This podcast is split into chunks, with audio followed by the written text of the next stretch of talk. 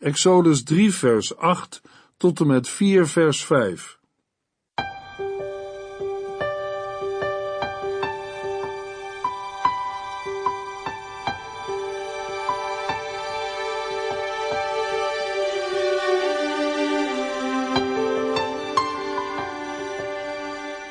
Hartelijk welkom bij De Bijbel Door, een programma van Transworld Radio. De Bijbel Door is een radioserie die u in vijf jaar meeneemt door de hele Bijbel. Van Genesis 1 tot Openbaring 22.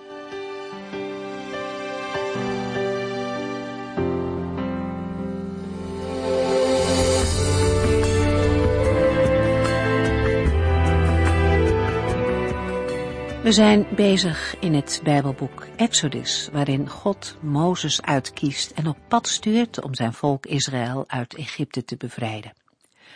Vandaag gaan we verder in hoofdstuk 3, maar we kijken eerst nog even terug. Het volk Israël werd zwaar onderdrukt in Egypte. En dat ging natuurlijk niet aan God voorbij. Hij zag het en hij maakte een plan om hen te redden. Niet omdat ze daar recht op hadden, of omdat ze zelf zo geweldig waren, God wilde hen verlossen om twee redenen. Hij had het beloofd aan Abraham en hij hield van hen. Die lijn van verlossing kunnen we doortrekken. Alle mensen zitten vast in zonde en als gevolg daarvan aan de dood. Niemand kan zelf ontsnappen. En God maakt een plan om mensen te bevrijden en leven te geven door zijn Zoon Jezus Christus. En ook dit reddingsplan is puur gebaseerd op Gods liefde voor mensen. Hij nodigt iedereen uit, ook u, ook mij, omdat hij niet wil dat er iemand verloren gaat. Mozes is al veertig jaar in Midian, wanneer God bij hem komt. Hij heeft daar een gezin gekregen en voor de kudde van zijn schoonvader gezorgd. Al die jaren hebben hem klaargemaakt voor zijn eigenlijke roeping. Het volk van God leiden. Bij de berg Horeb spreekt God tot Mozes. De engel des Heren verschijnt als een vuurvlam in een braamstruik en die braamstruik verbrandt niet. Je zou kunnen zeggen dat hetzelfde met Israël gebeurd is. Door de eeuwen heen is geprobeerd om het volk van God uit te roeien. En die dreiging, die is er vandaag nog steeds. Maar ondanks dat, en ondanks het feit dat de Joden over de hele wereld verspreid zijn geweest, bestaat het volk nog steeds. Sterker nog, juist vanuit de Joden komen grote wetenschappers en bijdragen aan kunst en cultuur. Het ontstaan en ook het voortbestaan van Israël is een wonder van God. En over een van die grote wonderen gaan we vandaag verder. God zag en hoorde de noodkreten van zijn volk in Egypte. En daarom riep God Mozes.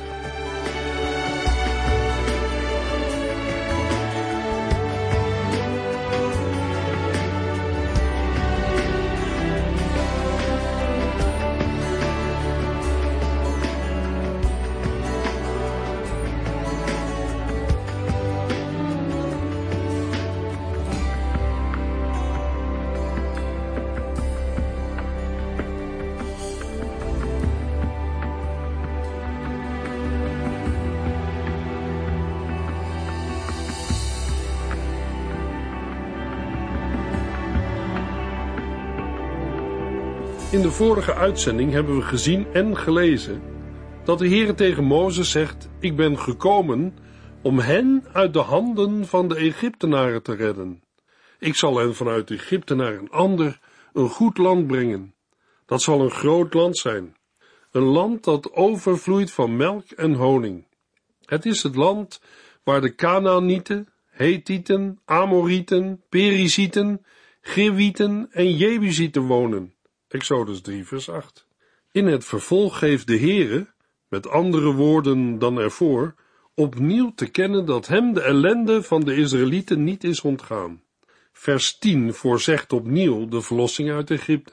Maar nu wordt duidelijk dat de verlossing die de Heere zal geven, zal gebeuren door het optreden van Mozes.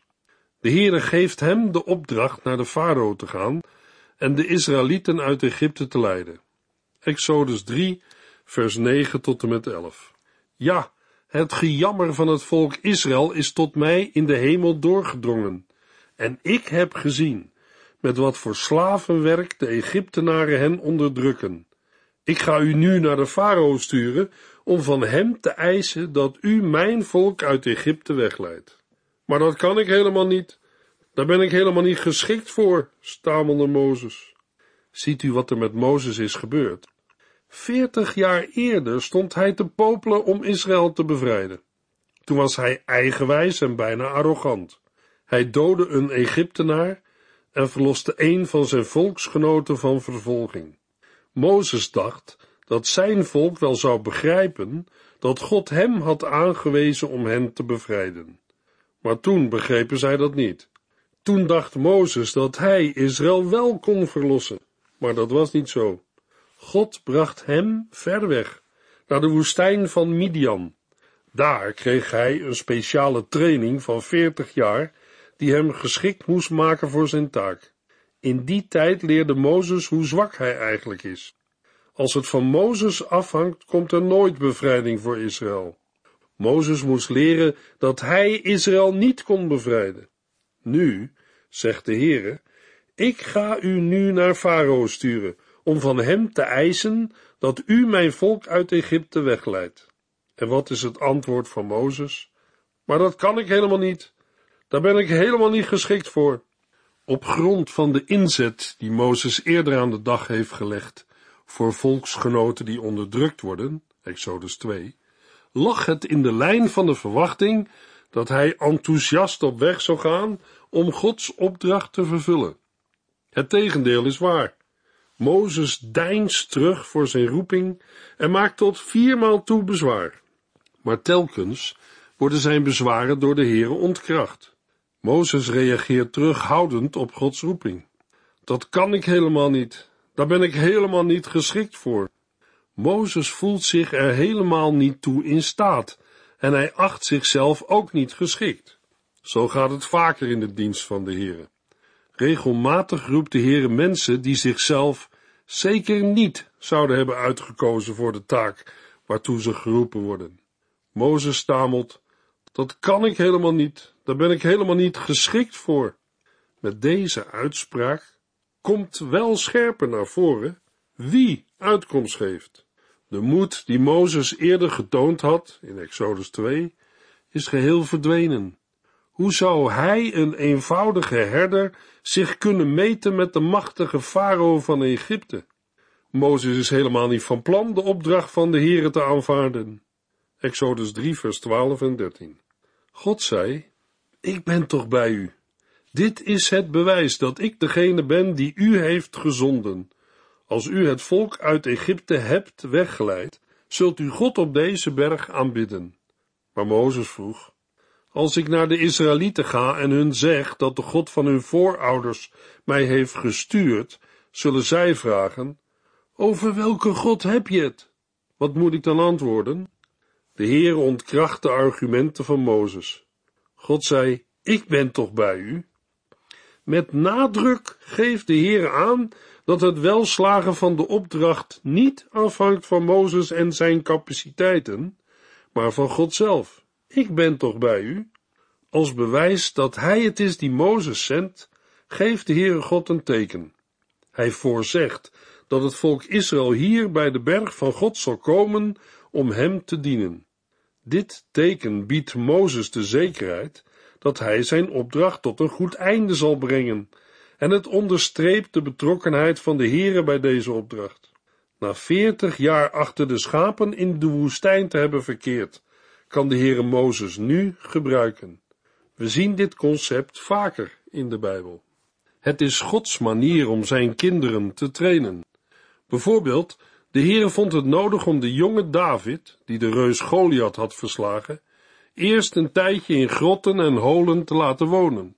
Als een opgejaagd dier dat nergens veilig was, ontdekte hij zijn eigen zwakheid en kwetsbaarheid. Daarna kon de Heer hem gebruiken als koning over Israël. Een ander voorbeeld.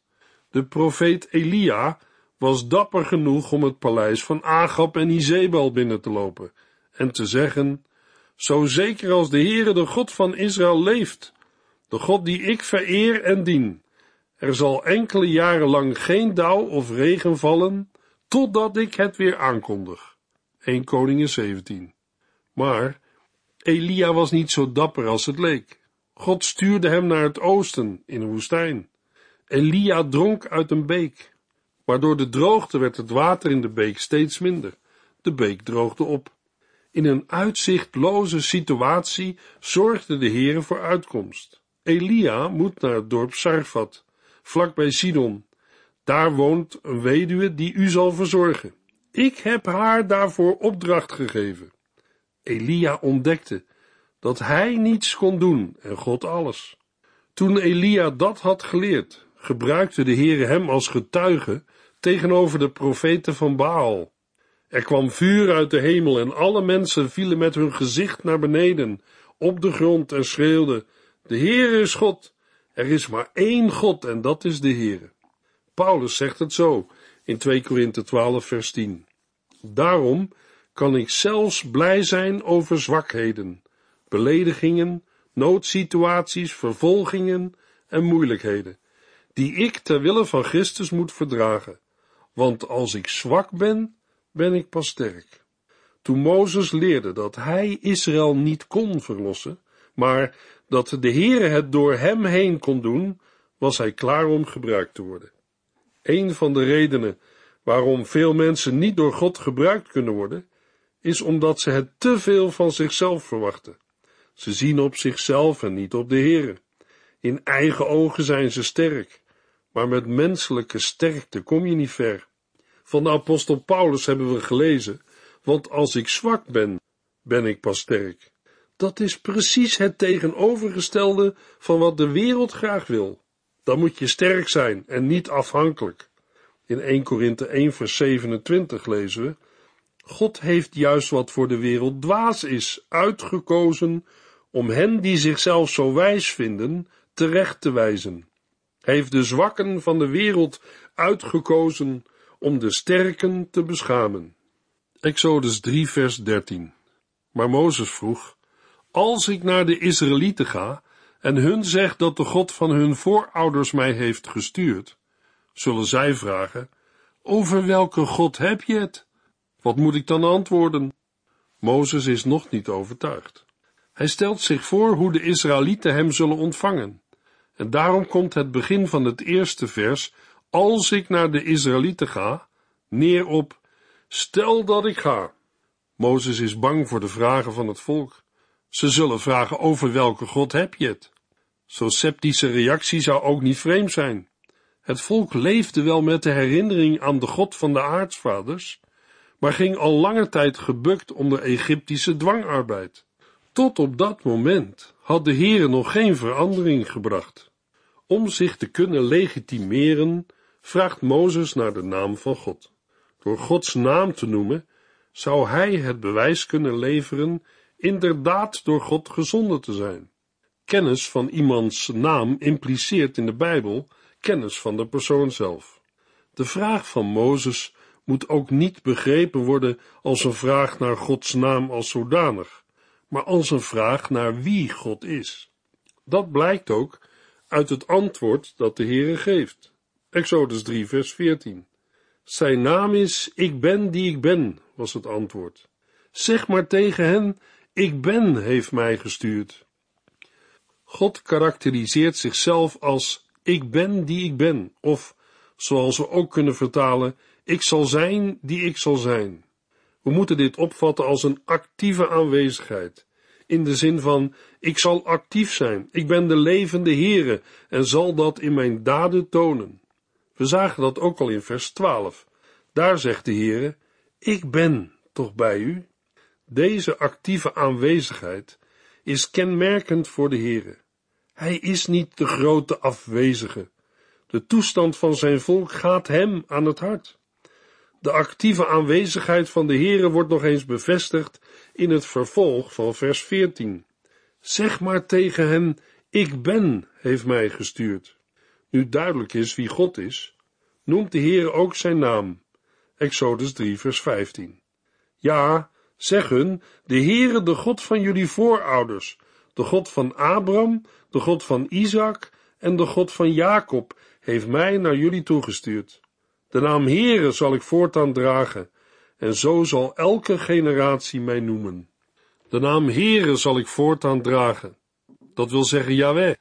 De naam Yahweh werd later in de spreektaal vervangen door Adonai, wat Heer betekent.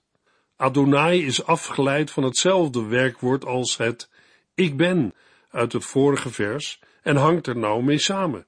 Binnen het Joodse volk groeide langzaam maar zeker de overtuiging dat een mens onwaardig is de naam Yahweh uit te spreken. Vanaf ongeveer de vierde eeuw voor Christus werd de naam van de Heere alleen nog in de tempeldienst uitgesproken. Al snel werd het uitspreken beperkt tot twee gelegenheden, de priesterzegen en grote verzoendag. Vanaf de dood van Simeon de rechtvaardige, waarschijnlijk in de tweede eeuw voor Christus, werd ook bij deze beide gelegenheden de naam van God niet meer genoemd. De naam bleef wel staan in de meeste handschriften van de Bijbel. Toen de Mazoreten later, ten behoeve van de uitspraak, klinkertekens toevoegden aan de tekst, werd ook bij Yahweh klinkertekens toegevoegd. Het waren de klinkertekens van het woord Adonai. In onze eigen traditie heeft dit in de 16e en 17e eeuw tot verwarring geleid. Men meende dat de godsnaam als Jehovah zou moeten worden uitgesproken. De gangbare Nederlandse Bijbelvertalingen kiezen voor de weergave met Heer of Heren. Het is de naam die Mozes bij de Israëlieten moet noemen. Het is de naam waarmee God voor eeuwig gekend wil zijn. Psalm 135, vers 13 zegt: Heere, uw naam blijft in eeuwigheid bestaan en alle generaties zullen aan u denken. Het laat zien dat de levende en actieve aanwezigheid van de Heere er niet alleen is voor de Israëlieten in de tijd van Mozes. Zijn levende en actieve aanwezigheid strekt zich uit naar alle generaties. Hij is dezelfde God die de Israëlieten al kenden. De Heere, de God van jullie voorouders, de God van Abraham, de God van Isaac en de God van Jacob, heeft mij naar jullie toegestuurd. In Genesis is de Heere God de Schepper. Hij is Elohim, de machtige God, de God die in zichzelf bestaat, de ik ben die ik ben.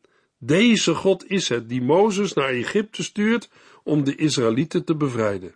Zeg maar tegen hen, ik ben heeft mij gestuurd. In Exodus is de tijd gekomen voor de vervulling van de belofte die Jozef uitsprak op zijn sterfbed.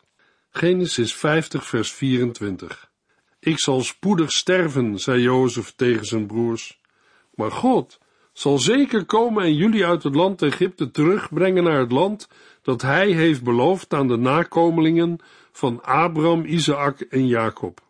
De Heere was aan Abraham, Isaac en Jacob verschenen. Dezezelfde God roept nu Mozes en stuurt hem naar de Israëlieten.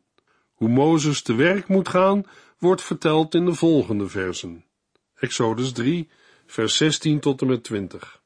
Roep de leiders van Israël bijeen, droeg God hem op, en zeg tegen hen, de Heere, de God van onze voorouders, is mij verschenen en heeft mij gezegd, ik heb mijn volk opgezocht en gezien wat hun in Egypte wordt aangedaan. Ik zal hen redden van de slavernij en de onderdrukking en hen brengen naar het land waar nu nog Canaanieten, Hethieten, Amorieten, Perizieten, Gewieten en Jebusieten wonen. Dat is een land dat overvloeit van melk en honing. De leiders van het volk van Israël zullen deze boodschap geloven.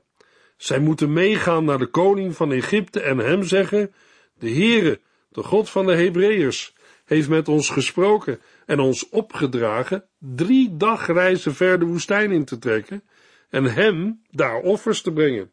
Wilt u ons laten gaan? Maar ik weet dat de koning van Egypte u niet zal laten gaan, tenzij hij daartoe wordt gedwongen. En daarom zal ik hem dwingen. Ik zal Egypte te gronde richten met mijn wonderen, zodat hij u tenslotte zal laten gaan. Na het beantwoorden van de vraag van Mozes en de herhaling van zijn roeping, zegt de Heer hoe Mozes de zaak moet aanpakken. Hij moet de leiders van Israël, dat wil zeggen de stam- en familiehoofden, bijeenroepen en hun meedelen wat de Heer hem heeft geopenbaard. Niet alleen moet Mozes de naam van God bekendmaken, met woorden die vrijwel overeenkomen met vers 15. Ook moet hij hen ervan verzekeren dat hun ellende niet ongemerkt aan de Heer is voorbijgegaan, hem niet ontgaan is. Bovendien moet Mozes hen herinneren aan de landbelofte die de Heere God aan hun voorouders had gegeven. In tegenstelling tot de gedachten van Mozes, zullen de leiders van het volk de boodschap van Mozes wel geloven. Nu wordt ook de tactiek duidelijk die Mozes moet volgen in het uitvoeren van zijn roeping. Zij, de leiders van Israël, moeten meegaan naar de koning van Egypte en hem toestemming vragen drie dagreizen ver de woestijn in te trekken. Dat wil zeggen, op een behoorlijke afstand van Egypte en de Egyptische goden. Waarom? Om een offerfeest te houden voor de Heere, de God van de Hebreeën, de God van Israël. Uit Egyptische bronnen blijkt dat dit geen vreemd verzoek was. In het toenmalige Egypte was het gebruikelijk dat arbeiders, ook slaven, vrije dagen kregen voor offerfeesten of andere godsdienstige festiviteiten. Toch roept het verzoek hier vraag op. Geeft God opdracht de farao te misleiden? Of was het echt de bedoeling tijdelijk de woestijn in te trekken om pas daarna om vrijlating te vragen? Wellicht wordt het verzoek het beste verstaan als een eerste stap in de onderhandelingen. Onderhandelingen in de stijl van het Oude Oosten, waarbij men aanvankelijk minder vraagt dan men wenst en pas bij een positief antwoord met een volgende vraag komt. De farao zal echter, tegen de Egyptische gewoonten in, afwijzend reageren op het verzoek. Hij zal het volk niet zonder meer laten gaan. Het nadrukkelijke, maar ik weet, aan het begin van vers 19 maakt duidelijk dat Mozes zich hierdoor niet uit het veld moet laten slaan. Deze tegenslag zal Gods plan niet tegenhouden. God zal krachtig ingrijpen met wondertekenen en zo de farao dwingen de Israëlieten vrij te laten. Sterker nog, de Egyptenaren zullen de Israëlieten in materieel opzicht gunstig gezind zijn en hen niet met lege handen laten vertrekken. Hiermee wordt Gods belofte aan Abraham vervuld. Daarna zal uw volk wegtrekken met grote rijkdommen. Genesis 15, vers 14. De vervulling van deze belofte neemt zelfs zulke vormen aan dat deze het karakter van een plundering krijgt. Exodus 3, vers 21 en 22. Ik zal ervoor zorgen dat de Egyptenaren u bij het vertrek zullen overladen met geschenken, zodat u niet met lege handen hoeft te vertrekken. Iedere vrouw moet van haar meestersvrouw en buurvrouwen juwelen, zilver, goud en de beste kleren vragen. Uw zonen en dochters zullen gekleed gaan in het beste van Egypte.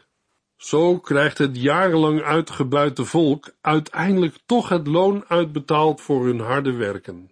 De Heere God zegt Mozes ook dat Farao zal weigeren om Israël te laten gaan. Maar de weigering van Farao is de start van Gods handelen tegen de afgoden van Egypte. Na de machtige wonderen van de Heere zal Farao nog steeds weigeren om Israël te laten gaan. Dan zal de Heere plagen brengen, die Farao van gedachten doen veranderen. God heeft een plan om Israël te bevrijden. En bevrijden zal hij een zeker. God zorgt voor zijn volk. Exodus 4, vers 1 en 2. Mozes zei evenwel, zij zullen mij niet geloven. Ze zullen het niet doen en zeker niet als ik het zeg. Zij zullen zeggen, de Heer is helemaal niet aan u verschenen. Wat hebt u daar in uw hand? vroeg de Heer hem. Een herderstaf, antwoordde Mozes. Mozes had verschillende redenen, op grond waarvan hij vond niet de juiste persoon te zijn voor het werk dat God hem wilde laten doen. Hij is nog steeds bang dat het volk en de leiders niet zullen geloven dat de Heere aan hem verschenen is. Maar ook nu ontkracht de Heere de tegenwerpingen van Mozes door hem drie tekenen te geven die het bewijs moeten leveren dat Yahweh hem inderdaad heeft gezonden.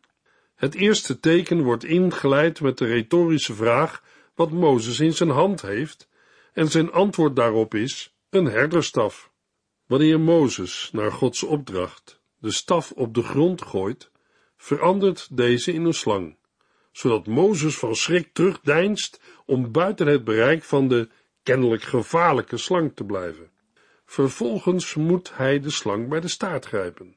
Een gevaarlijke handeling vanwege het risico gebeten te worden. Als iemand een slang veilig wil oppakken, is het beter het dier bij of achter de kop te pakken. Maar Mozes wordt niet gebeten, want de slang verandert weer terug in een staf. Exodus 4, vers 2 tot en met 4. Wat hebt u daar in de hand? vroeg de Heere hem. Een herderstaf, antwoordde Mozes. Gooi hem eens op de grond, zei de Heere. Mozes gooide de staf neer. Hij veranderde onmiddellijk in een slang en Mozes deed snel een stap terug. Toen zei de Heere, pak hem bij zijn staart. Mozes deed dat en plotseling werd het weer een herderstaf. Uitdrukkelijk zegt de Heere wat het doel van dit teken is. Exodus 4 vers 5. Doe dit en zij zullen u geloven, zei de Heere. Dan zullen zij ervan overtuigd zijn dat de Heere, de God van Abraham, Isaac en Jacob, werkelijk aan u is verschenen. Doordat de Heer in zijn antwoord de woorden van Mozes uit vers 1 aanhaalt, geloven en verschenen, is duidelijk dat met dit wonderteken het bezwaar van Mozes is weerlegd. De staf heeft in zichzelf geen kracht of macht. Het is een instrument en kan door zowel Satan als door de Heer God worden gebruikt. Vergelijk bijvoorbeeld een bankbiljet met de staf. Geld kan voor goede en voor verkeerde dingen worden gebruikt. Met andere woorden, geld kan een slang worden. Geld kan ook aan de dienst van God worden besteed. Hierin ligt voor ons een belangrijke les. Veel mensen beschouwen de auto, radio en televisie als iets van de duivel. De duivel kan al deze apparaten gebruiken, maar ze kunnen ook voor God gebruikt worden. Grijp die slang bij zijn staart. Gebruik je auto voor goede doelen. Dat kan heel simpel en eenvoudig zijn door op zondag mensen die slecht te been zijn naar een kerk te brengen. Of belangstellenden in je auto mee te nemen naar een bijzondere kerkdienst om het woord van God te horen. Werk eraan mee om de media een instrument voor de uitbreiding van Gods koninkrijk te laten zijn. Laat het niet links liggen, zodat allerlei gif de wereld wordt ingeblazen. Maak een slang tot een staf, een herderstaf voor het koninkrijk van God. Naast de staf geeft de Heere Mozes nog een ander teken. Ook het tweede teken bewijst dat Mozes namens de Heere komt. Wie anders kan immers naar believen beschikken over ziekte en gezondheid dan de Heere God? Hoe zal het verder gaan met Mozes? Zullen de leiders en de Israëlieten de woorden van Mozes geloven? In de volgende uitzending horen en lezen we meer.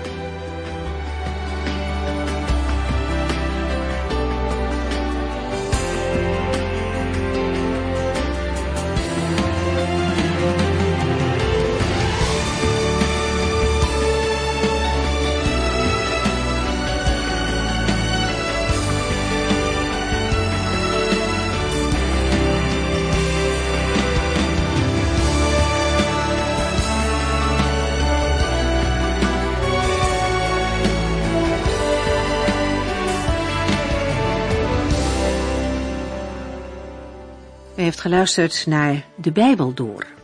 In het Nederlands vertaald en bewerkt door Transworld Radio. Een programma waarin we in vijf jaar tijd de hele Bijbel doorgaan. Als u wilt reageren op deze uitzending of u heeft vragen, dan kunt u contact met ons opnemen. Tijdens kantooruren kunt u bellen op 0342 47 8432. 0342 47 8432. 32. Ook kunt u een e-mail sturen naar de Bijbel door transworldradio.nl en natuurlijk kunt u ook via de post ons bereiken. TWR, postbus 371, postcode 3770, AJ in Barneveld. Dit programma werd gepresenteerd door Cor Weda en Ike André. Techniek was in handen van Odin van Woerdekom. En wij allemaal bedanken u voor het luisteren. Graag tot de volgende keer.